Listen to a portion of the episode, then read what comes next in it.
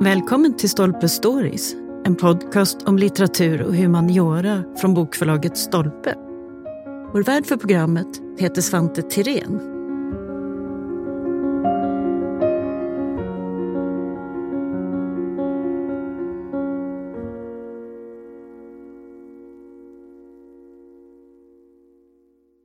Wars, revolutions, and pandemics are recurring phenomenons in human history. In the book Society in Crisis, 25 world leading scholars describe and analyze how different societies have handled these situations and highlight humanity's unprecedented capacity for adaptation and reorientation. A crisis entails problems, but also opportunities. In today's episode, we interview Alastair Benn, deputy editor of Engelsberg Ideas. He joins us via link from London to talk about how we can learn from this history. So, first of all, very welcome to the podcast, Alastair. Thanks for having me on. Now, if we start with the pandemic, are there any signs that this globally shared crisis changed our interest in history? And if so, how?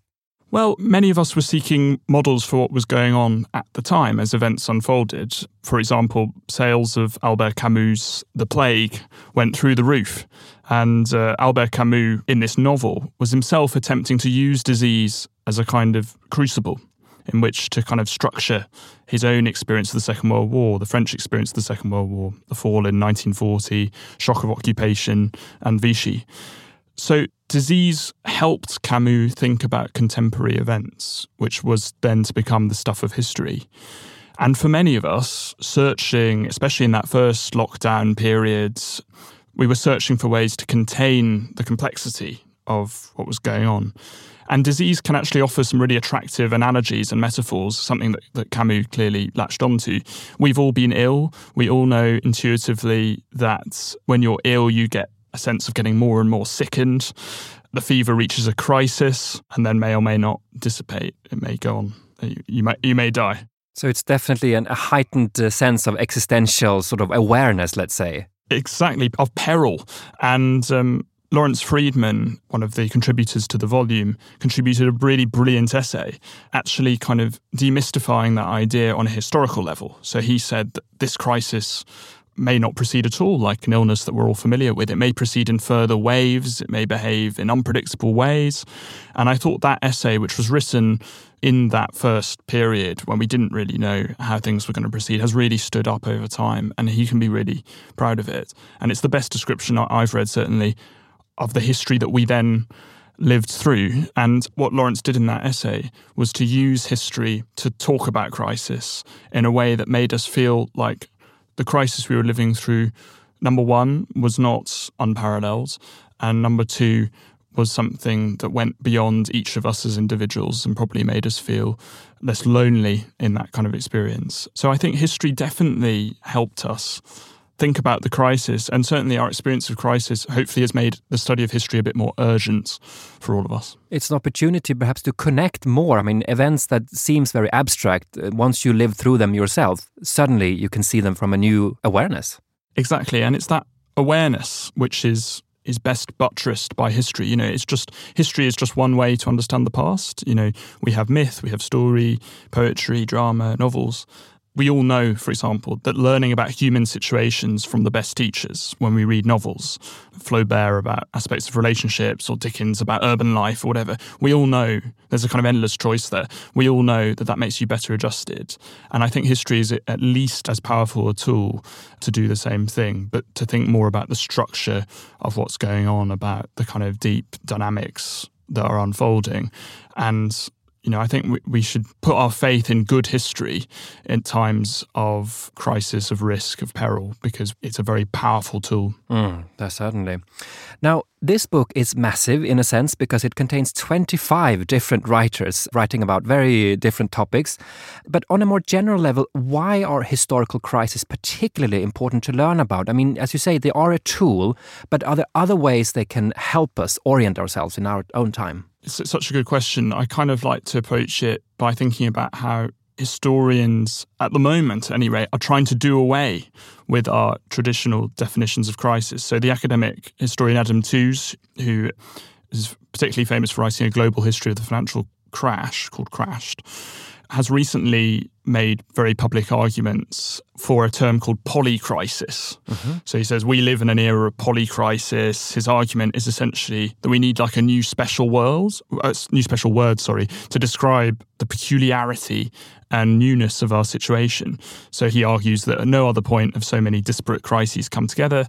And you know, I am sympathetic. It does feel at the moment like events mount up at a prodigious rate we really do live in an age that has a momentum like quite unlike those that went before. And I guess Tooze picks out the climate crisis, for example, mm. as uh, something that applies particularly to this problem. You know, it does f- feel like a genuinely formidable challenge in the face of which, like, even the kind of muse of history can't give us wisdom and guidance. And, you know, I'm sympathetic to that. But academic historians are always trying to coin a phrase, you know, Eric Hobsbawm's long 19th century, uh, Fukuyama's End of History, mm. etc. They all want to be on academic syllabuses in the future, and maybe Polycrisis in 50 years' time will be on syllabus. It will be, you know, undergraduates will have to respond. Was the era from 2000 to 2030 uh, really an era of polycrisis? Or what was really going on? But saying all that, I think you know I'm kind of skeptical of this term sense of crises happening all at once potentially is a feature of how information overloaded we are. Uh, hopefully, something this book does something to address. You know, it's it's there's a lot of information in the book, but it's set out hopefully in a clear way that can help us make sense of specific situations. We all know switching on your mobile phone is to be kind of immersed in a stress laden reality, and perspective, especially historical perspective, is the first casualty of tech mediated experience. So, why is it so important to retain an idea that like historical crises matter and studying them is some aid to understanding the present? Well, again, I just come back to that idea that history is such a powerful tool. And I think it's demonstrated that history is such a powerful tool that when it's badly applied, it can lead to terrible events. You know, if you apply history badly to the present, it can lead you down terrible paths. Um, but that also opens you up to an alternative vision where applying history to the present makes you better adjusted, makes you more resilient, gives you better capacity to deal with the complexity of, of what's going on. We will all make mistakes, but we I think we might as well make mistakes uh, knowing what we're doing. Right. well informed mistakes, let's yes, say. Well informed mistakes, yeah. You know, uh, if you look at the kind of broad sweep of history, especially modern history, it's not like our policymakers didn't make mistakes 50, 60, 70, 100 years ago, but you know, for sure, a lot of them were much more engaged in the kind of public art of reading and understanding history than a lot of modern policymakers. And I, am sympathetic. You know, the pressures on modern politicians, the way social media, 24-hour news, that that militates against perspective. But I think still the best of them do rise to that challenge. And hopefully, a book like this, yeah, it's you know, some of the essays are potentially a challenge, but it's really pitched not just at people who are interested in the study of history as lay people, but policymakers and academic historians, especially policymakers. Are the ethic that went into the commissioning of this book was really that in the midst of a crisis, we can still write cogent, interesting stuff about what's going on, and that can help people who are engaged grappling at the kind of coalface. That was really part of the commissioning process, and it's a real article of faith. And as you say, I mean, when you read this book, you also realize that a qualitative difference between our times and, and, a lot of times before us is, of course, that now we have much more historical research and it's much more accessible. So, in theory, we could be much more well informed now, but reality is something different. I mean, how, how do you see that? I mean, of course, we could all sit and, and Google and get very interesting eh, eh, sort of historical information to give us perspective, but do we actually take the time to do that? Yeah, just because we've got more facts available doesn't necessarily mean we have a better sense of historical perspective, which is kind of a paradox. You know, logically, you'd expect the reverse to be true. The more we know, the more information we know, surely the more we, we would know about the past. And I, unfortunately, history kind of eludes that kind of logic. It's just a bit too mysterious, I think. And actually, historical perspective is an elusive thing. It's not something that you can get through just endless, you know, immersing yourself in the kind of facts of the matter. History takes in story, narrative, myth sometimes. It's practice which takes us back into the past, but it is only one method among many mm. that hmm. takes us back into the past. And I think the best history is really sensitive to that. But yeah, I'm, I'm kind of saying like good historians know when to shut up. Yes, basically. That's, and it's sort of a form of curation, almost, isn't it? Also, in how you have to curate the uh, the sort of uh, historical research that you can take in. Yeah. Another thing you, you realize uh, when you read this book is that after all, we're human, meaning sometimes we are swept away by emotion and being overcome by uh, certain events and, and certain uh, pains. Other times we are able to stand very still and reflective, even though there's a disaster around us. When it comes to looking into historical research, is there a risk of overinterpreting or, or sort of uh, making too much of similarities between historical uh, events and our own time? Yeah, and uh, again, that really illuminates this idea that I have that history is a powerful tool. We can tell it's such a powerful tool because when it's badly applied, it leads to really bad consequences. You know, take Vladimir Putin, for example, a world leading amateur historian, in effect, who wrote an essay on, infamous essay on the history of Ukraine and Russia a couple of summers ago, which effectively recapitulates imper- the historiography of imperial Russia and Soviet era ideas to make an appeal to modern Ukrainians, you know, to frame their interests, frame the interests of contemporary Ukraine on, on Russian terms, on Putin's terms, and who who has suffered as a result of this worldview, albeit historically informed or should I say misinformed. You know, it's the Ukrainian people who he claims to address as a brotherly people in his essay for what he sees are very good historical reasons. So that's the kind of bad history there's also the, the Putin's idea of crisis is really bad. He's obsessed with this idea that he has this very sharp perception that Russia is in a crisis without parallel, which justifies an extreme response. The threat from encroachment is ever worsening. The, the threat from the other great powers, you know, it's never been greater. So this justifies very extreme actions for him. So even if we are not interested in thinking about the relationship between crisis and history and the relationship between the past and the present, other people are and are constantly drawing parallels between what happened and, and what's happening now, are constantly making bad assumptions about what the past tells us. So it's imperative as a result that we come up with better, more truthful answers to those questions and to the questions of our time. Otherwise, other people will write the scripts and we might not like the story. And stories within history, these words do connect. So, in other words, even if you don't use history, someone else will. for their ends, right? Exactly. And you've we've just got to be very aware of that. And historical judgments, again, this kind of careful passing of what is old from what is new, this modifying assumptions in light of new facts, this kind of process that I think we should all be engaged in. I think in the end, that leads you to develop better answers and, and actually leads you to act in a better way in the world. And that to me is like a good use of history. But yeah, exactly. You know, uh, the over relying on analogy to explain the present. I think again it doesn't admit the limits of where history ends, and you know history can get you so far, but sometimes things are genuinely new, and you need to modify your assumptions. And actually, the present can often change your assumptions about the past too. It can illuminate things about history that we maybe didn't quite know before, and that kind of dialogue between the past and the present shows that you know it's not just the past telling us what to do; it's our own experience leading us back, and always leading us back into what people have done before, the the things and people that history has known, like the whole wealth of magnificent wealth of experience there. You know, I think it was the historian uh, Niall Ferguson who once said, and I'm paraphrasing, that you should study history because you've got the collected wisdom of not just billions of people, but billions and billions of people, all the people that have ever lived, all their minds, all their peculiar sympathies, all their writing is available to you. So you might as well use it because you might learn something. Yes. Um, but you might not. You might always not always learn the right things, and again, you might not always act in the right way. But it's a process. It's uh, something that that may or may not yield results over time. Just reading one book about something obviously will lead you to a partial view, but if you are invested in a process that could even last as long as a lifetime, that to me is very valuable. Could we go so far as to say that a big major crisis and catastrophes are actually good for history because we are reminded of the importance of it? Yeah, exactly. I think they provide a quite useful vocabulary. It's a kind of hook, as it were.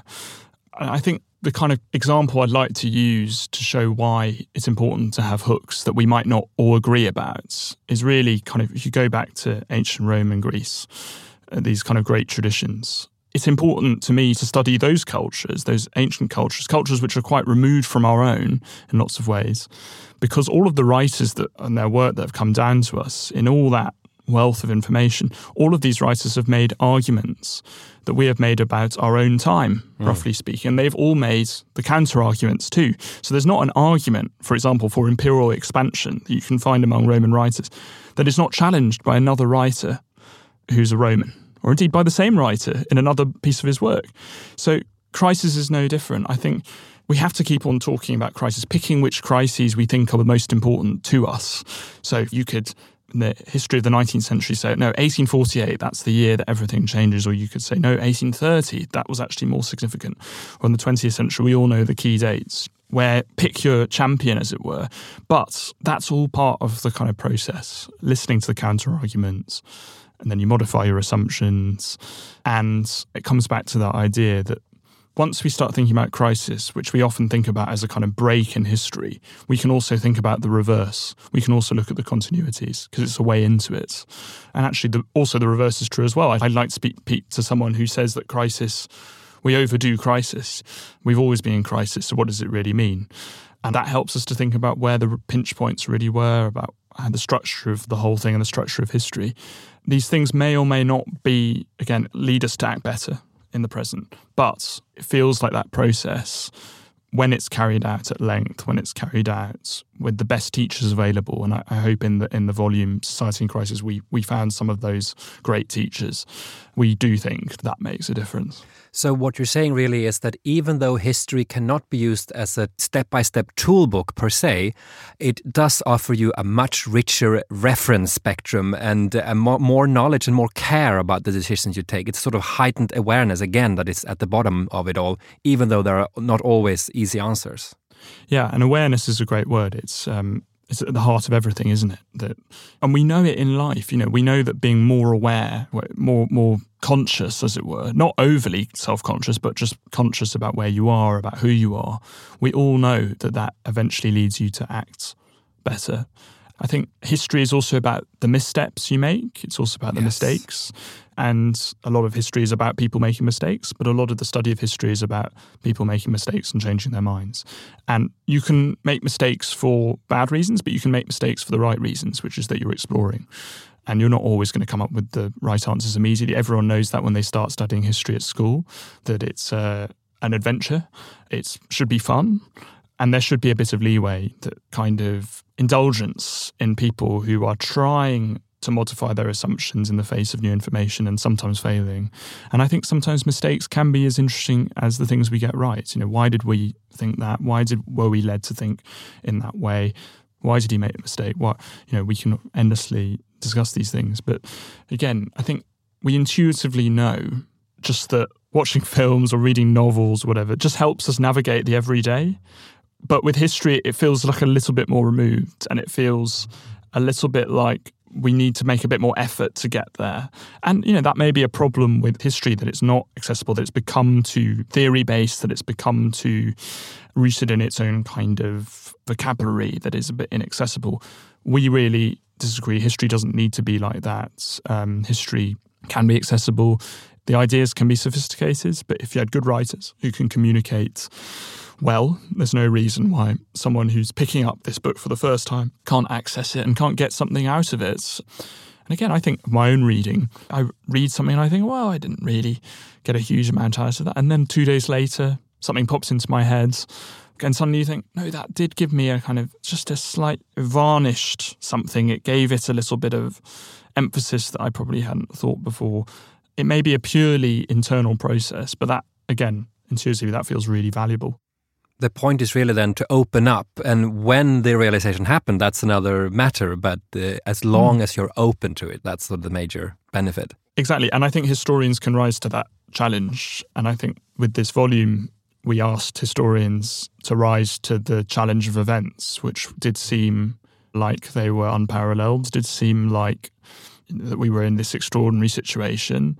And it, it did feel like it was very hard to get a handle on what was going on But I hope that when people read this volume, they'll they'll feel that there were people thinking very deeply in a very informed way about what was happening. And I do really think that a lot of the kind of big calls in that book by these academics about the kind of what was going on have been borne out by the kind of broader structure of the time, which I think the pandemic is a. Sweden may have a different experience. I know that many of the responses the national responses to COVID were, of course, had, were similar to lockdowns, but there were many modifications oh, that yes. various countries made to that picture. Mm-hmm. Sweden being a notable example. Mm. But I do think now, looking back over the whole thing, and uh, you know, I'm speaking from the UK, which had its own experience, we are beginning to have a bit of a kind of broader reckoning about what it meant. Mm. And saying that, I think we are also missing some of the key lessons about what happens. Um, I think many of the problems, for example, in British society, and I don't want to go too much into you know the kind of domestic situation here. A lot of the problems that we face at the moment, which we often seem to blame on policymakers, on on um, politicians making mistakes, or on things which are in the gifts of politicians right now, I think are actually in the shadow of the pandemic and are products of the kind of multiplying social pathologies that the pandemic exacerbated. Mm. Arguments about the value of education, about what the value of work is, about how our economy is structured. Many of us seem to be now having this conversation without really admitting that there was a big thing that happened yeah. three years ago that that really changed a lot of people's assumptions about these problems. And it's not just business as usual. At the moment, we are living in the shadow of the pandemic. Spanish flu was actually pretty similar, you know, uh, even though it kind of disappeared from public explanations of what was going on. Yes, let's get into that. Because one interesting thing you learn from this book is, of course, that there is not a, let's say, mathematical relationship between how big the crisis is and how well known it is afterwards. And it's been generally noted that the Spanish flu, you know, in 1918, 1919, 1920 ish, I mean, we know a lot about the Black Death and the plague and the medieval sort of gruesomeness, but the Spanish flu, for some reason, we have very little cultural representation of, and we just don't know it, even though it happened much closer to our own time. What is going on? I'm just thinking about uh, Ingmar Bergman's The Seventh Seal, which is all about plague. There isn't a film about the Spanish flu that's right. quite as popular. I think the Black Death was, I guess, bigger because of just the, the, the mortality.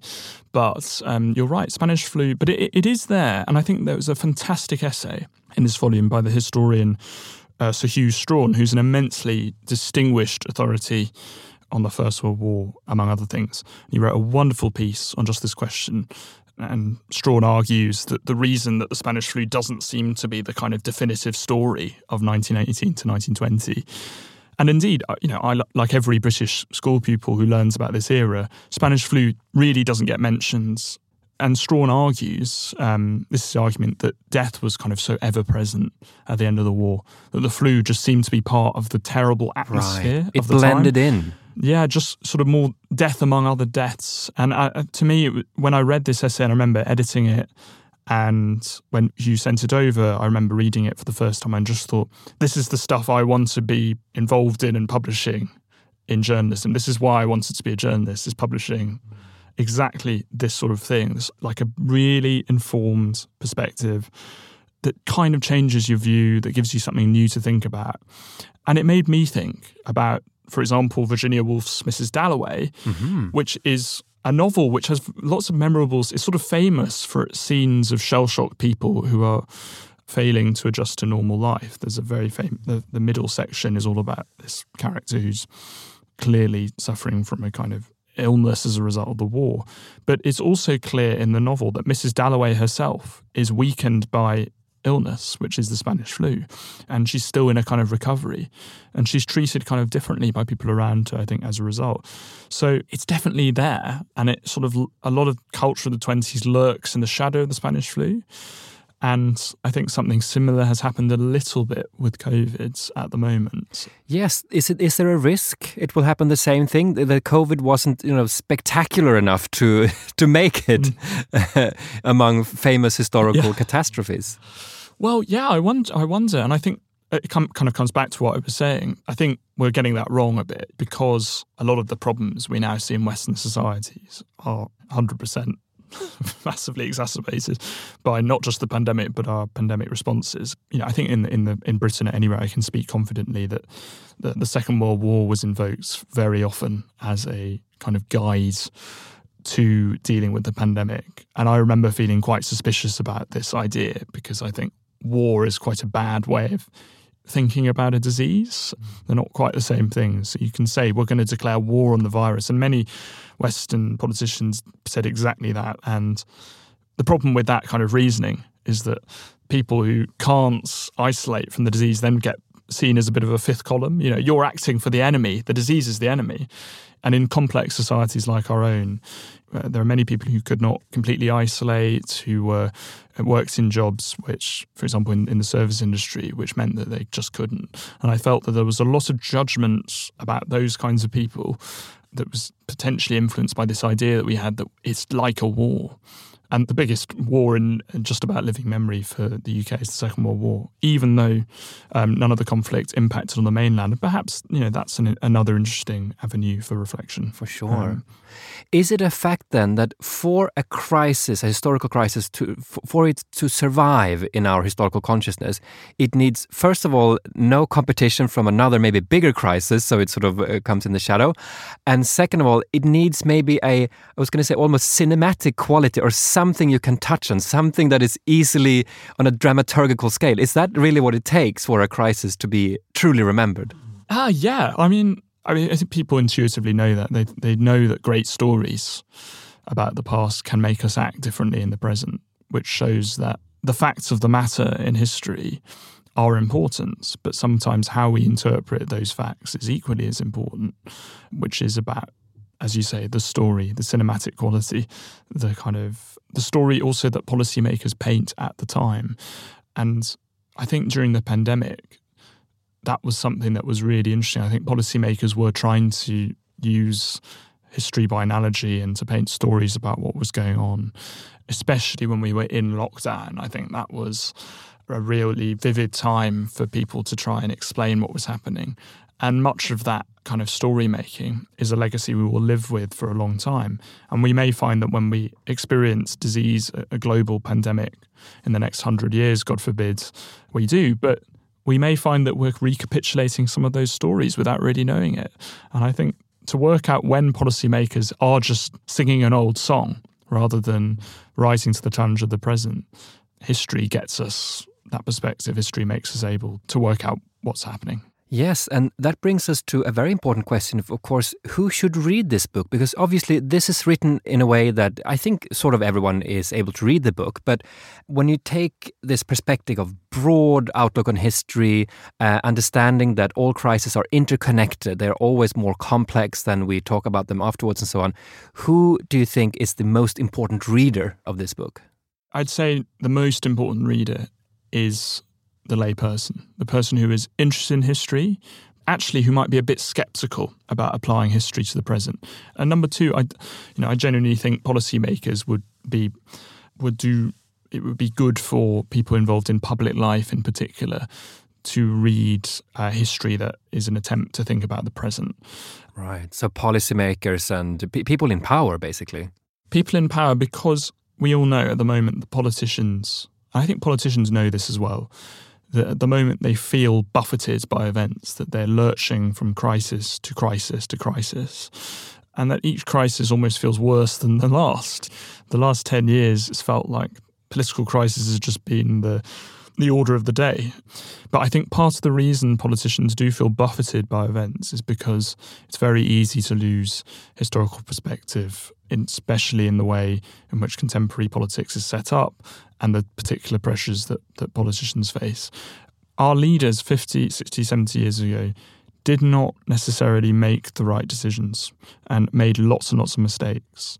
But I think with confidence, you can say that policymakers in the kind of pre internet age, in that era, were certainly more, more historically literate than politicians of our time. And I think the great power of democratic societies is that they can self-correct. It's our it's the what it's the great faith that we all have in the democratic process that we all know societies make mistakes and politicians make mistakes, but we believe that through a democratic process we can change our minds, we can change course.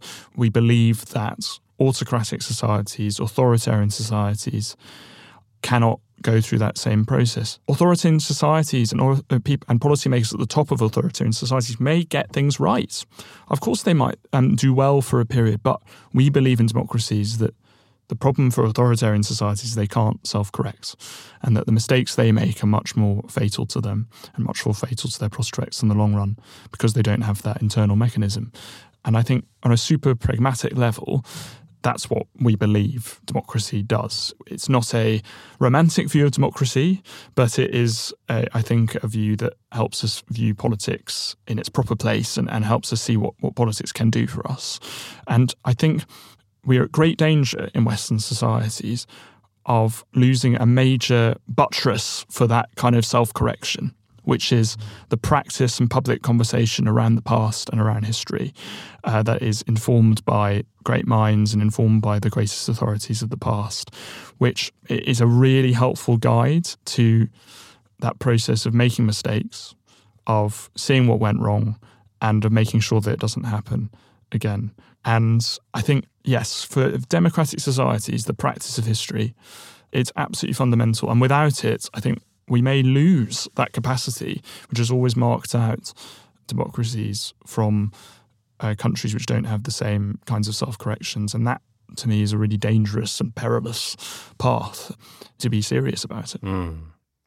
Now, a last thing we, we have to talk about, of course, is the fact that when the book was written, the war in Ukraine had not yet started. But of course, had it been published maybe just a year later, that, that would change things too. But in general, I mean, you have a background in war studies. Facing this war and facing the shocks, the multiple crises arising from it, uh, the constant flow of information about the war, different parts of war, the information war, and so on, how has that reshaped our understanding of using history and the history of crisis to, to learn from? Well, I've talked a bit about Vladimir Putin's own perceptions, as far as we can tell, of crisis and historical destiny, and how that played out in those first months of 2022 in the build up to war. Although I think there is some evidence that he decided to go to war as early as late summer 2021, he'd actually made up his mind a long, long time ago, partly through his reading of history.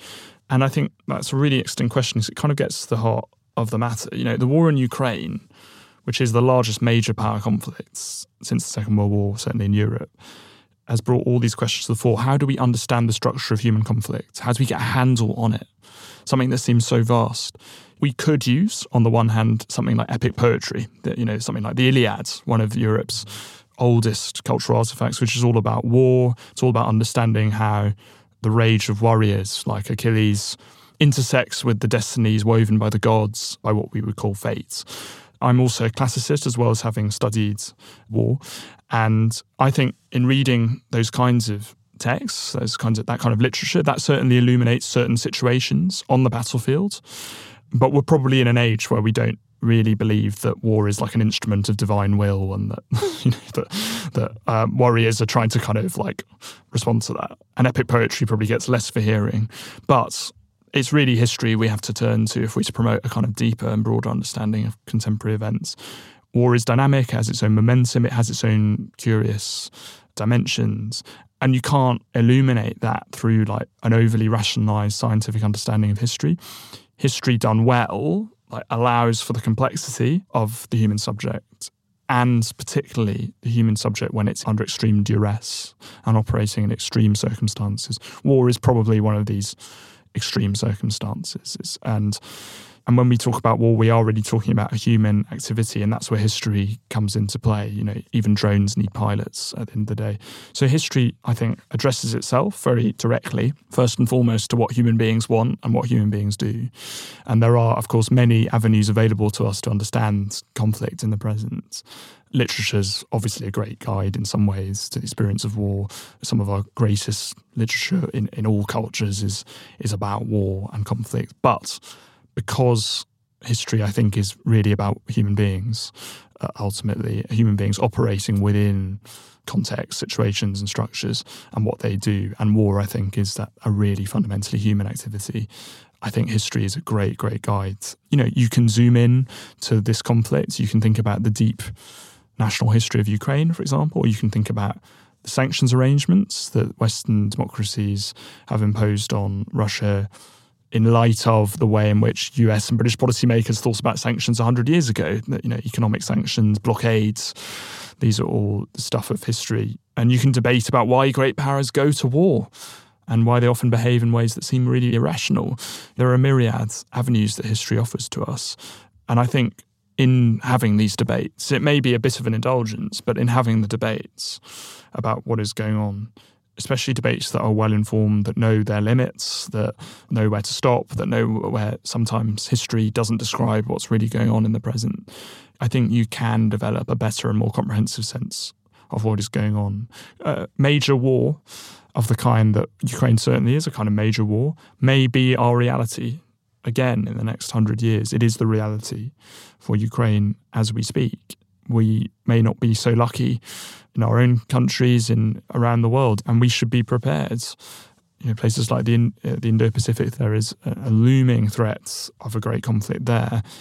We should be prepared to think about these problems. And history, although history is just one avenue, mm-hmm to understand what's going on, I think it is a good one. It's an essential one. And one thing is for certain that is, crisis will continue. Whether we'll learn from them or not, that remains to be seen. Alastair Benn, thank you so much for joining the podcast. Thanks so much for having me on.